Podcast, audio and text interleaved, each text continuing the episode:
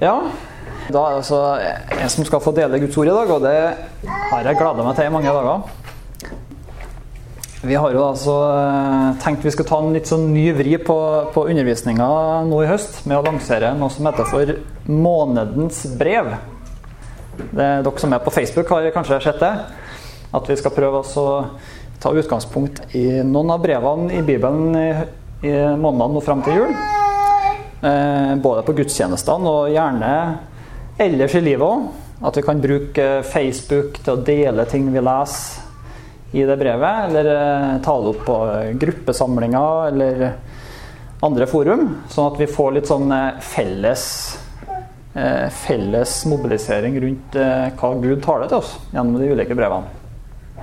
Det tror jeg kan bli en god ting da, hvis vi, hvis vi er litt sammen om å dele og, og være litt sånn frimodig og skrive på Facebook 'Her har jeg lest i dag', eller 'Her har Gud talt til meg i dag'. Det, hvis vi får litt reis på det, så tror jeg det kan bli ganske artig, egentlig. Så da er det jo da jeg som får den eh, litt skremmende oppgaven med å sparke av gårde her, da, med å forkynne ut fra Efeserbrevet i dag. Men det tror jeg blir bra. Jeg tenker vi kan starte med å slå opp i første Mosebok. Fordi første Mosebok er faktisk, er faktisk litt avgjørende for å forstå hva Efeserbrevet egentlig handler om. Så vi skal lese noen vers der først, og så skal vi, så skal vi ha sånn eh, god, gammeldags skriftlesning etterpå. Det er en sånn god, god gammel kristen tradisjon som, eh, som eh, vi er ikke for karismatisk til å hoppe, hoppe, av den. Så det skal vi gjøre etterpå. Vi skal lese rett og slett Vi skal ikke lese hele Efeserbrevet, men vi skal lese i hvert fall et par kapittel. Det er en god ting. Men først skal vi slå opp i første Mosebok, kapittel 3. Du skjønner, Efeserbrevet det, For å forstå innholdet her, så må vi innom skapelsesberetningen og syndefallet for å få litt av bakteppet for, for eh, hva som ligger på Paulus sitt hjerte når han skrev det brevet. Så skal bare hoppe rett inn i den historien om Adam og Eva. Eh, dere kjenner bakteppet der. Adam og Eva ble skapt av Gud. De ble plassert i Edens hage, en hage med Guds velsignelse i, der hvor Gud hadde gitt dem alt de trenger. Hvor de kunne spise av alle tre i hagen, men eh, det ene treet som, eh, som eh, var kunnskapen, altså kunnskapen om godt og vondt Hvis du spiste av det, så skulle, skulle de dø. Og så kom slangen og lokka Adam og Eva til å spise av treet. Og da kommer Gud og spør hva som har skjedd. Det er der vi skal inn i historien, da, når Gud kommer på banen. Fra kapittel 3, og så vers 8 kan vi lese fra. Så får vi, får vi liksom bakteppet litt her, da. Eh, da hørte de lyden av Herren Gud som vandret omkring i hagen i den svale kveldsprisen. Mannen og kvinnen gjemte seg for Herren Gud blant trærne i hagen. Men Herren Gud ropte på mannen og sa, 'Hvor er du?' Han svarte, 'Jeg hørte lyden av deg i hagen og ble redd fordi jeg er naken.' og jeg gjemte meg. Da sa han, Hvem har fortalt deg at du er naken? Har du spist av det treet jeg forbød deg å spise av? Og Mannen svarte, Kvinnen du ga meg å være sammen med, kvinnen som du ga meg å være sammen med, ja, hun ga meg jo treet, og jeg spiste. Og Herren spurte kvinnen, Hva er det du har gjort? Og kvinnen svarte, eh, Slangen narret meg, og jeg spiste. Da sa Herren Gud til slangen, Forbannet er du, utstøtt fra alt fe og alle ville dyr, fordi du gjorde dette. På buken skal du krype, og støv skal du spise alle dine levedager. Jeg vil sette fiendskap mellom deg og kvinnen, mellom din ett og hennes ett. Den skal ramme ditt hode, men du skal ramme dens hæl. Til kvinnen sa han, tungt vil jeg gjøre ditt strev når du er med barn, med smerte skal du føde. Du skal begjære din mann, og han skal herske over deg. Og til mannen sa han, fordi du hørte på kvinnen og spiste av treet som jeg forbød deg å spise av, er jorden forbannet for din skyld. Med strev skal du nære deg av den alle dine levedager. Den skal la torn og tistel spire fram for deg, og du skal spise det som vokser på marken. Med svette i ansiktet skal du spise ditt brød, inntil du vender tilbake til jorden, for av den er du tatt. Støv er du, og til støv skal du vende tilbake. Her leser vi om konsekvensene av at Adam synda. Og uten at vi skal gå i detalj på alt her, så så er det jo noen eh, ganske gjenkjennelige ting som, eh, som Gud eh, snakker om når han snakker til kvinnen og til mannen. Han snakker jo om Når han snakker til kvinnen, så snakker han jo om, egentlig om maktkamp mellom kjønnene. Han snakker om at det skal være en vedvarende konflikt mellom menn og damer. Og det er jo ganske gjenkjennelig. Altså alle de som har blitt samfunnsengasjert gjennom feminisme, vil jo se at her er det noen ting som er ubalansert, urettferdig.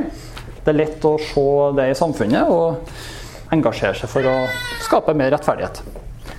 Så det kan vi liksom spore, I Bibelen så spores dette helt tilbake til syndefallet. Konflikt, maktkamp, strev og vanskeligheter. Jorda, at jorda er forbanna.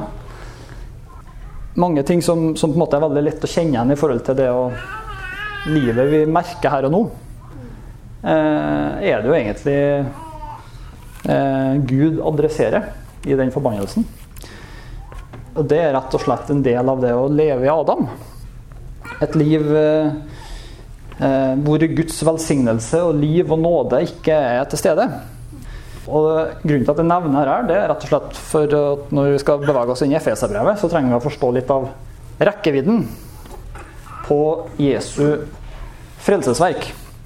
Så jeg har ikke tenkt å snakke noe mer om det her nå, men jeg har bare tenkt å nevne det. Og så kan dere ha det litt i bakhodet, og så skal vi gå på Efeserbrevet. Ok? Jeg var klar for litt sånn skriftlesning, da.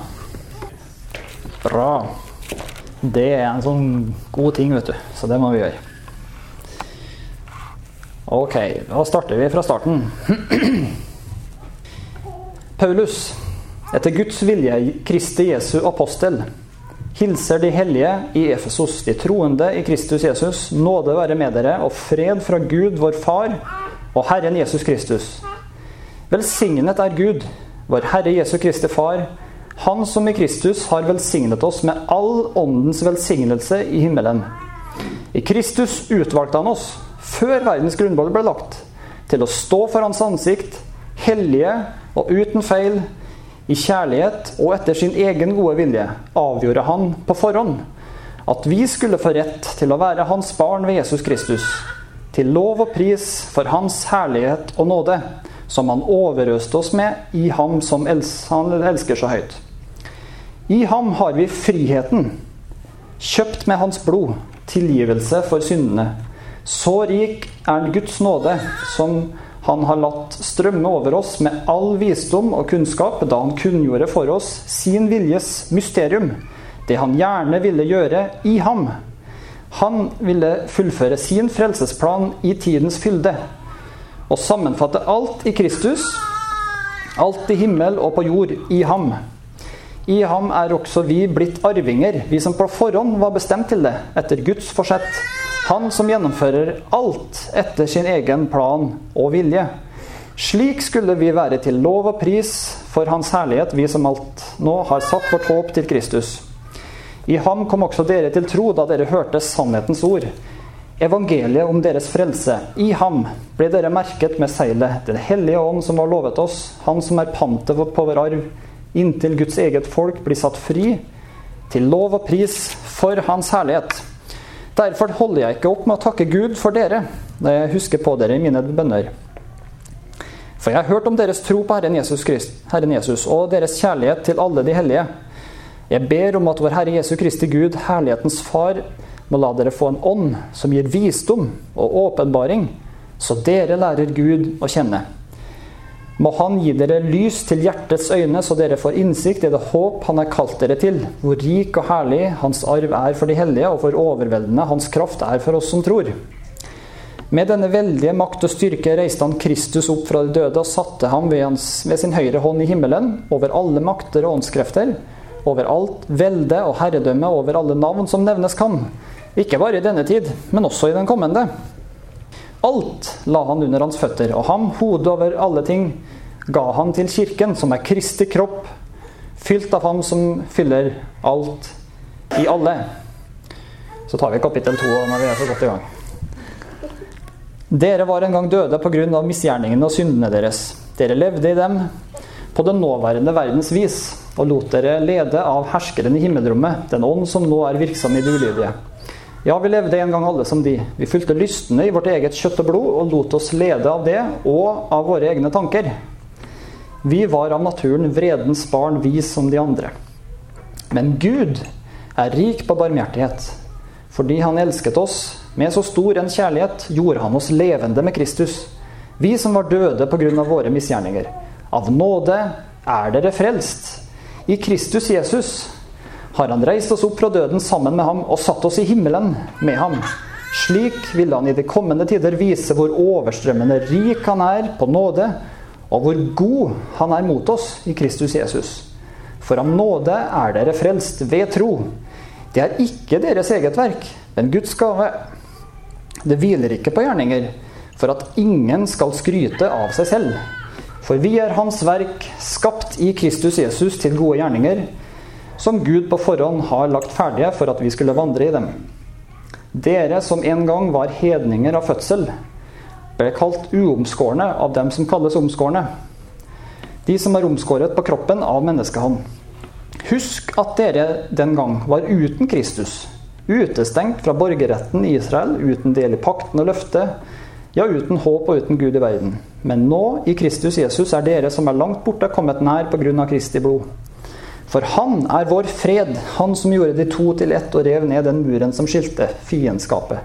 Ved sin kropp har han opphevet loven med dens bud og forskrifter. Slik stiftet han fred av de to. Da han eh, av de to ja, skapte et nytt menneske i seg. I én kropp forsonte han dem begge med Gud da han døde på korset og slik drepte fiendskapet. Han kom og forkynte det gode budskapet om fred både for dere som var langt borte, og for dem som var nær. Gjennom ham har både vi og dere adgang til Far i én ånd. Derfor er dere ikke lenger fremmede og utlendinger. Nei, dere er de helliges medborgere og Guds familie. Dere er bygd opp på apostlenes og profetenes grunnvoll, men med Kristus Jesus selv som hjørnesteinen. Han holder hele bygningen sammen, så, det, så den vokser til et hellig tempel i Herren, og i ham blir også dere bygd opp til en bolig for Gud i ånden. Amen. Ja, vi henger med så langt. Jeg har bare lyst til å skissere sånn at vi skissere noe av, noe av eh, oppbygninga av Efeserbrevet. Eh, det er ikke nødvendig for liksom, at nå har vi Efeserbrevet som tema, men men det er faktisk ganske interessant å, å legge merke til hva, hvordan er det Paulus egentlig prøver å forklare oss noe eh, i dette brevet. Eh, fordi at eh, det, er, det er faktisk utrolig interessant. Det første kapitlet som er her, der snakker egentlig Paulus veldig mye om, om eh, Eller de første Ja, helt fram til godt uti kapittel fire så er det overhodet ikke noe fokus på oss i det hele tatt. Det eneste som er fokuset på oss, det er at vi kan være takknemlige til Gud. Eh, to plasser i, i kapittel 3 så sier han 'derfor bøyer jeg mine knær'. Det er, liksom, det er noe av det nærmeste du kommer noe som har noe med oss å gjøre. Men før den tid så snakker han egentlig bare om Kristus. Eh, og det er interessant. Eh, fra starten av så snakker han om, om Kristus før verdens grunnvoll ble lagt. Og betydninga av at Gud har hatt en plan fra før han har skapt noe som helst, så har Gud hatt en plan. Og den planen er Jesus Kristus. Og det bruker han det første kapitlet til å male ut på én eh, måte. Vi skal komme litt tilbake til det. Kapittel to, så starter han litt på nytt. Der snakker han om at ja, en gang så var vi syndere. Pga. misgjerningene og syndene våre så begynner han å snakke om det. At der var vi en gang før. Men så har Gud gjort et verk. Gud er rik på barmhjertighet osv. Så, videre. så da snakker han om hva Gud har gjort ut fra at vi har vært syndere. Men fremdeles er det Gud som bare holder på å jobbe. Sant? Og så når han bruker de ti første versene på det, og så kommer han til vers 11, og så begynner han å snakke igjen om hva Gud har gjort. Og da er det dere som en gang var hedninger av fødsel. Så da begynner han å snakke om at ja, dere som, eh, som, ikke egentlig var jøder. Sant? Dere som egentlig ikke hadde noe del i alt det som Gud har gjort i Det gamle testamentet. Dere var egentlig helt på utsida. Nå har Gud gjort noe. Nå er dere med. Men fremdeles er det bare snakk om hva Gud har gjort. Og så forklarer han det. Sant? Da bruker jeg resten av kapittel to på det. Eller det var ikke Paulus som fant på det med kapittel, da, men det var for å hjelpe oss. og så, når det kommer til vers, kapittel tre, så sier han 'derfor bøyer jeg mine knær'. Så da er han inne på at ja, alt det som vi har snakka om i kapittel 1 og 2, det er så bra at det eneste vi må gjøre, det er bare å tilby Gud. Det er det eneste vi kan gjøre, for det er altfor stort å egentlig gjøre noe som helst annet med det. Og Så forklarer han litt om, eh, om, akkurat det der. og så I vers 14 så sier han jo derfor bøyer jeg mine knær igjen for far og eh, har en takkebønn til Gud. Og så når vi begynner å komme inn på kapittel 4, så etter å ha forklart da, alt det fantastiske som Gud har gjort, så sier han at enhet er viktig. At eh, vi er kalt til å være ett. Eh, så det er jo noe av det første han kommer inn på som har med oss å gjøre. ikke sant? At vi er kalt til å være ett pga. alt det som Jesus har gjort. Og at vi skal bli utrusta av apostler, profeter og evangelister og bli den modne mann osv. Og så midtveis da i kapittel fire så, så, begynner vi å snakke om hva, hva er det vi er kalt å gjøre i lys av alt det som Gud har gjort. Så det har et bakteppe, ikke sant? Så er det samme i kapittel 5 òg. Og så i kapittel 6, starten der. Og så avslutter en da i kapittel 6 med, med det, som, det, som, har med åndelig krigføring å gjøre. ikke sant? Husker dere det? Det med at vi skal ta på Guds fulle rustning og kjempe mot åndskrefter, makter, myndigheter og alt det der. Sant? Og det er jo fantastisk. Og så egentlig så snakker en jo om at det der foregår på en veldig jordnær måte. Sant? Jeg vet ikke hvordan det er med dere, men av og til når jeg hører forkynnelse om det verset, her, så får jeg litt inntrykk av at her er det noe veldig sånn eh, det, her, det med åndelig krigføring det er noe veldig spesielt, altså. Som gjør at vi må være veldig Ja, hva skal jeg si? Bevege oss i grenseland, sær og litt sånn speisa, da. Hvis jeg kan være så frimodig.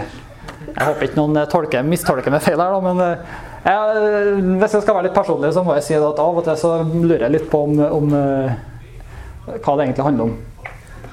Fordi at I bunn og grunn så handler det om, egentlig om å, om å, om å være veldig jordnær. Leve i sannhet, snakk sant, vis kjærlighet, snakk tro, be til Gud. Og det kan vi gjøre på en veldig enkel og jordnær måte. Det er åndelig krigføring, folkens. Ok? Det var sånn eh, fem minutter om Efeserbrevet. Ja. Så nå kan vi så var, Nå fikk dere oversikten. Men jeg vil gjerne at vi blar tilbake til kapittel 1, for jeg har noen ting som jeg har lyst til at vi skal snakke litt om der. Og der eh, Fra vers 3 så, så, så, begynner Paulus å legge ut en sånn, eh, en sånn utlegning om, om, om Jesus Kristus. Sant? Velsignet er Gud, vår Herre Jesu Kristi Far. Han som i Kristus har velsignet oss med all åndens velsignelse i, himmel, eh, i himmelen. Så det som, eh, det som var den forbannelsen som, som eh, kom med Adam, ikke sant?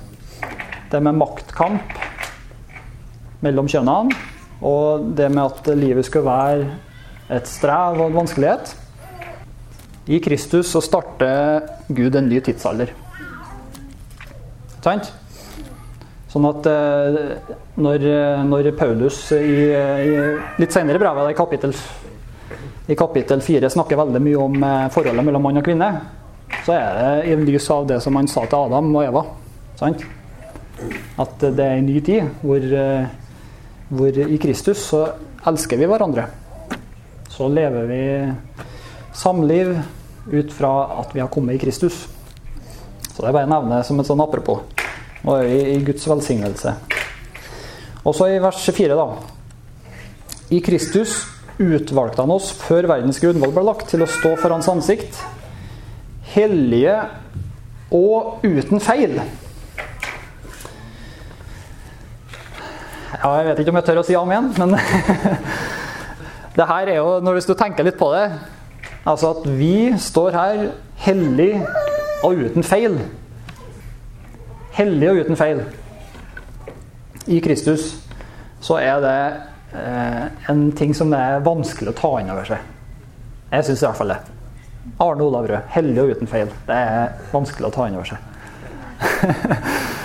Uansett hvor godt folk liker meg, så syns jeg det er litt rart. så eh, og det der, eh, og det der eh, Allerede da, så tidlig i brevet så, så, på en måte går sikringene litt på det der å prøve å, å, få til å være kristen på sin egen måte. Det er et fullstendig umulig prosjekt. Sant? Du kan prøve en god stund, og så helt du kommer til verset her, der det står at vi skal være hellige uten feil, så skjønner du at det her går ikke. Det er vi ikke. I oss sjøl. Ikke sant? Men det her er jo faktisk Guds ord til oss. Gud han har utvalgt oss før vi har eh, rukka å bli født. Så har Gud utvalgt oss. Før eh, mamma og pappa ble født, før verdens grunnlag ble lagt, så har Gud utvalgt oss i Kristus til å stå framfor Han, hellig og uten feil. Det er det som er sannheten om oss.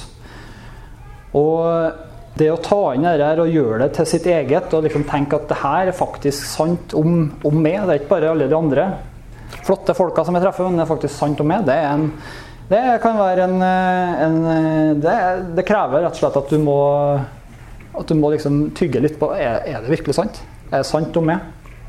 Og Jeg hadde en sånn prosess sjøl. Jeg drev og leta i, i PC-en min på, i mappesystemet. For jeg, jeg, helt siden jeg Helt siden jeg ble frelst som, eh, eh, som 17-åring, så har jeg skrevet mye. Jeg liker å skrive, syns det er en god måte å jobbe med ting på. Tenke gjennom ting. Og jeg har heldigvis lagra en del av de tingene nå. Så jeg drev og lette litt i PC-en, de eldste mappene mine, så fant jeg en sånn dokument som het for selvransakelse. Selvransakelse. Og det var sist endra i 2004, så jeg. Det var tolv år siden. 12 år siden. Jeg tenkte det her var jo åpen. Da trykte jeg på den, og så ja, det var et sånt passord. Ja, det er sikkert det eldste passord. Ja, ok. Så kom jeg inn. Og så begynte jeg å lese, da. Så leste jeg over. Og jeg, jeg vet ikke hvordan det er med dere, om dere husker liksom følelser, hvordan dere følte dere når dere var mindre. Jeg husker ikke sånt, jeg. Jeg, er, ikke, jeg er ikke på den banehalvdelen, men eh, det er interessant å lese det, da, hva du skrev. Fordi at eh, jeg, jeg ser jo at, eh, at det var mange ting som jeg jobba med når jeg var nettopp passert 20 år. Sant? Det, det, var jo akkurat når vi starta i menigheten her. Og det var jo ikke så mange som var med. Sant? Håvard, var jo, Håvard og Katrine var med, og Håvard han var den han alltid har vært. En, en offensiv, flott kar. Og jeg, jeg syns det var utrolig tøft å henge på. Der jeg tenkte hvem i all verden jeg er, da? Jeg er jo ikke noen pastor eller noe som helst sånn. Jeg er jo bare en eh, enkel eh, kar fra landet. Det var så fjernt. Liksom, eh, for jeg skulle lede arbeidet når Håvard og Katrine gikk på bibelskole i Bergen. Og det var i hvert fall veldig fjernt. Det var så fjernt. og jeg, jeg fikk så tilbakeblikk på det når jeg så det dokumentet. Fordi at jeg så at det var utrolig mange ting jeg kjempa med i forhold til hvem i all verden er du, har noe lov til å stå her? Men Eh, jeg visste jo at Gud har, har jo lagt noe i hjertet. Det her skal vi inn i. Jeg, jeg har fått et glimt av noen ting som, som har bare brent seg fast. Sant? Det her, det her vil jeg leve for. Og jeg ser jo at det er så mange ting som står i Bibelen som er sant om oss. Sant? Eh, og det stemte jo ikke overens med hvordan jeg så på meg sjøl. Da tenkte jeg da må jeg bare begynne å snakke til meg sjøl. Skriv ned eh, bibelvers som er sant om meg.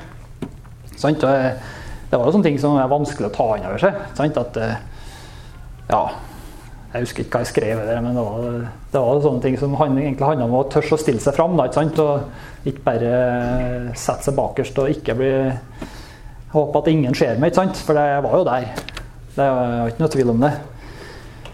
Og, så det var bare artig å se litt tilbake på det her. da.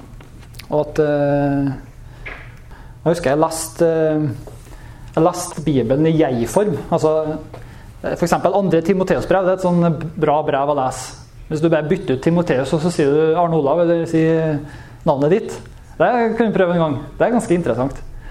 Og liksom prøve å, å Akkurat som Paulus snakker til det. Sant? At uh, Og du, min sønn Arno, da, bli sterk i Guds nåde. Eller uh, Gud ga deg ikke en motløs ånd, Arnold, men en ånd som gir kraft og sindighet. Og det er sånn, Hvis du leser det høyt, det sjøl, det er kraft, altså. Det, det, tror jeg gjorde en del i den tida. da. Så nå kan jeg si amen, jeg står her hellig uten feil, men det er sannelig ikke fordi at jeg har vært så flink. Men det er fordi at uh, han har gjort et verk, og han har, Gud har bestemt seg.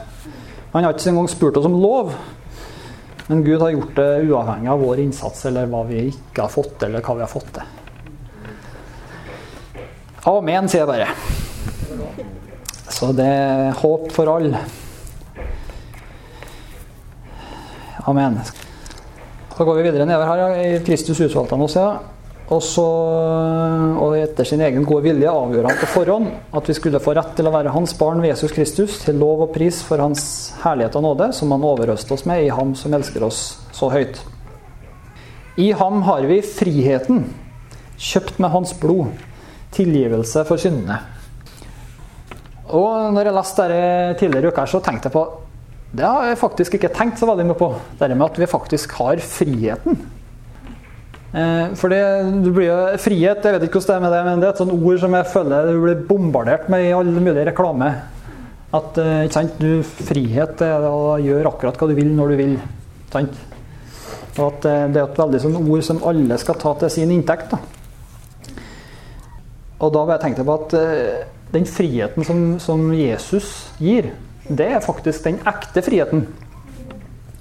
Altså at Frihet er jo ikke å være hensynsløs eller å være grenseløs eller å bare løs alle tendenser til grådighet eller begjær eller lyster eller alle mulige sånn destruktive krefter i oss.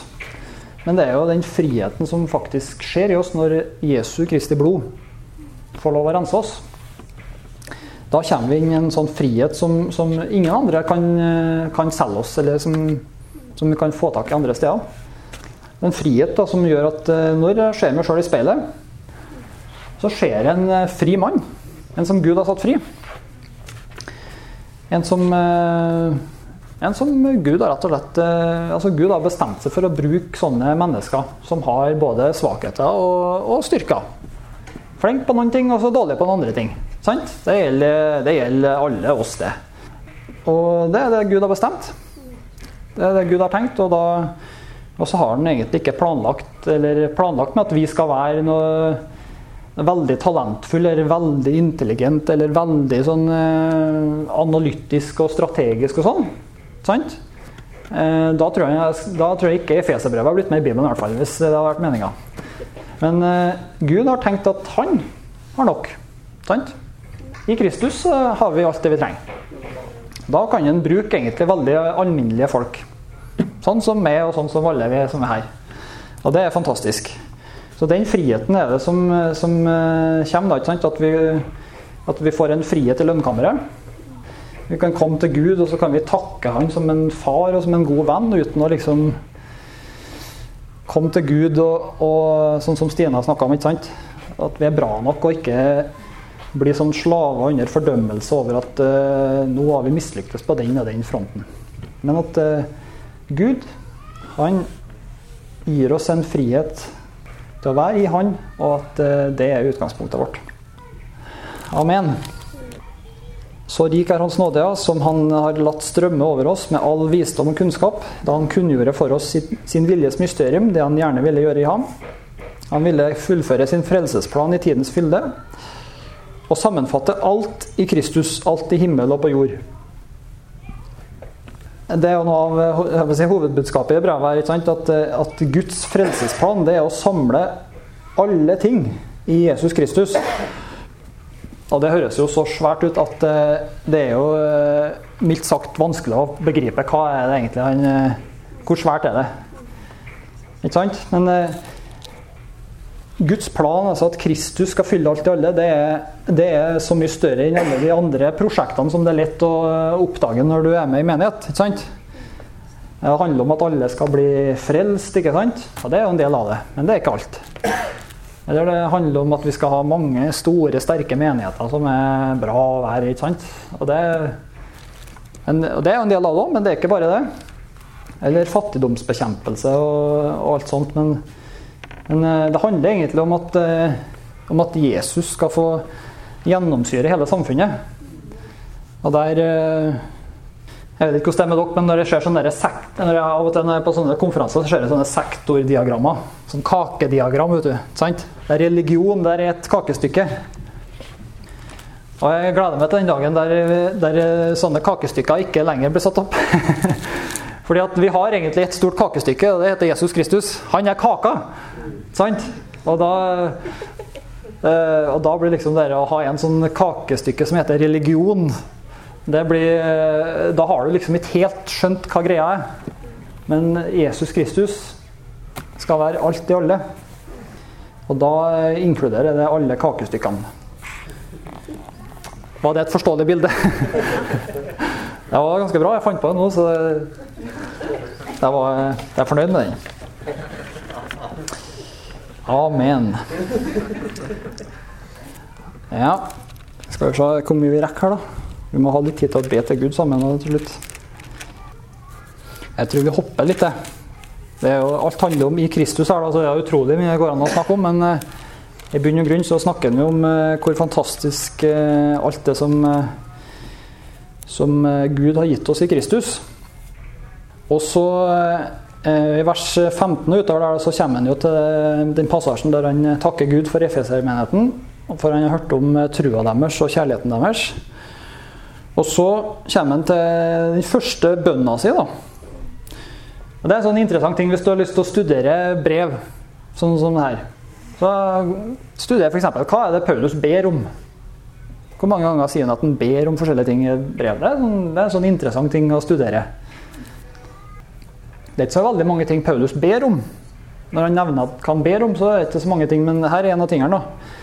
Jeg ber om at vår Herre Jesu Kristi Gud, Herlighetens Far, må la dere få den ånd som gir visdom og åpenbaring, så dere lærer Gud å kjenne. Må Han gi deres gi dere lys til hjertets øyne, så, så, dere forstår Nei. Så dere får innsikt i det håp han har kalt dere til, hvor rik og herlig hans arv er for de hellige, og hvor overveldende hans kraft er hos oss som tror. Hvis du skal si inn i bønna her litt kort, så, så, så handler det om at bønna til Paulus er at vi skal forstå mest mulig av hva vi egentlig er med på. Sant? Det er det han ber om. At vi skal forstå hva, hva er det egentlig vi er med på. Fordi at eh, det er, det er ikke noen sånn bønn om at å, jeg ber om at dere skal begynne å be mer, eller jeg ber om at dere skal begynne å lese i Bibelen mer, eller jeg ber om at dere skal gi mer i offer, eller eh, jeg ber ikke som ja, Skjønner dere? Det handler liksom, Bønnelivet handler ikke om at, at eh, nå skal vi klemme ut litt mer saft i, i dere. sant? Men det handler om at når Paulus ber, og det gjelder en del av de andre brevene òg, så, så ber han om at folk skal skjønne hva det egentlig vi er med på. Det er ganske talende, syns jeg. At uh, hvis en skjønner, bare, skjønner bare en del av det en faktisk er med på, så er det ganske revolusjonerende i forhold til hvordan en ser på Gud, og hvordan en ser på seg sjøl, og hvordan en ser på andre. For det er et så det er et så fundamentalt skift. Da. Det er å bevege seg fra Adam, Adam sitt liv i strev, i konflikt, i kamp for ens egne rettigheter og jeg, jeg, jeg, ikke sant? Til å bevege seg over i en verden der, eh, der Kristus er kilden vår. Der Kristus, Jesus Kristus er livet vårt. Sånn at eh, da kan, eh, da kan de skrive det saligere å gi enn å få. Sant? Det er jo helt ko-ko i en i verdens mentalitet å si det, at du får mer utbytte av å gi enn å få. Sant? Du får, du får ikke noe høy god karakter på BI hvis du skriver det på eksamen. Altså. Men i Guds rike så er det annerledes. Når det tar utgangspunkt i Kristus, sant? at han har gitt oss alt. Gud elska verden så høyt at han ga sin egen sønn. Og han har gitt oss alle ting med han. Og da er det utgangspunktet for at, eh, at det at vi er givere, det, det, er på en måte logisk da, innenfor, eh, innenfor Guds verden. Så det er fantastisk da, å se, sånn som i dag. ikke sant? Der har fullt av unger som er med og leder lovsang sammen med Elisabeth. Du har fullt av unger som er med og setter ut stoler for møtet her. Det, det gir meg tro på framtida. At vi, vi driver ikke og venter på at ungene skal bli tenåringer før vi begynner å gi dem oppgaver. Men vi, Vi driver og trener morgendagens ledere, folkens. Så det er fantastisk. Amen. Så det er klart at uh, det der med å, med å, ta utgangspunkt i hva er det Gud har gjort, det er jo Det høres kanskje litt sånn selvfølge ut hvis du er vant til å høre det. sant? Du har hørt, eh, hørt det og hørt Håvard, hørt Terje og hørt alle som driver og forkynner det mange ganger, så du blir jo nesten litt immun til slutt mot uh, hva det egentlig du mener med det. ikke sant? Men jeg spurte Terje en dag da, på kontoret hva eh, Hvis du skal gi meg en oppgave å skrive om noen ting, det er bladet folk, hva, hva, vil du at jeg skal skrive om da? spurte jeg. Jeg spurte før sommerferien. da. Så sier han at eh, da vil jeg at du skal skrive om, eh, om eh, det at du er blitt en ny skapning i Kristus. Fordi, så sier han da, forteller han videre at For det, det skjer så mange plasser rundt omkring i Norge, i Kristen-Norge. Det er slitne folk. Folk som som eh, er i det der prestasjonsmoduset som du har ellers i samfunnet. ikke sant? Med at eh, vi skal, vi skal være produktive, vi skal være effektive. Vi skal yte mest mulig på minst mulig tid. Det er, det er vi oppdratt av helt fra vi er små. Vi er jo indoktrinert med det. Det er et fælt ord, da, men det, det er det vi blir opplært til. sant? Og, og, det der tar vi med oss eh, inn inn i livet i menigheten òg. Med at uh, ja, hvis ikke du har liksom stått på og yta litt, så, så rakner liksom sjølbildet og identiteten litt. For at vi, vi, er så vant til å måle verdien vår i om vi er med og gjør ting og får gjort ting og blir lagt merke til for ting vi gjør. sant? Mens, uh, og det krasjer jo fullstendig da, med, det, med det bildet som du leser i brevet her. sant? Paulus han starter ikke før langt ute i brevet i kapittel 4 og snakker om hva vi skal gjøre. Og Det er jo ut fra et bakteppe av at eh, alt han har gjort i Kristus. Sant? Det, så det er jo der eh, sant, Paulus, når han ber om at, eh, at, vi skal skjønne hva vi er med på At vi må skjønne at livet starter hos Gud. Sant? Og at eh, kilden, er, kilden er det viktige. Sant? Vi kan vi kan jobbe oss i hjel ut fra en, en, forpliktelse og en pliktfølelse og en samvittighet ikke sant? Som, som, eh, der kompasset ikke er helt tuna. Og vi kan eh, komme framfor Gud og, og leve ut ifra hans kilde. Og på en måte gjøre det samme, men at det blir det er noe som er født fram av kjærlighet. Åndens frukter. Ikke? Kjærlighet, glede, fred. Den kraften som er i oss som tror, som det står om her. ikke sant?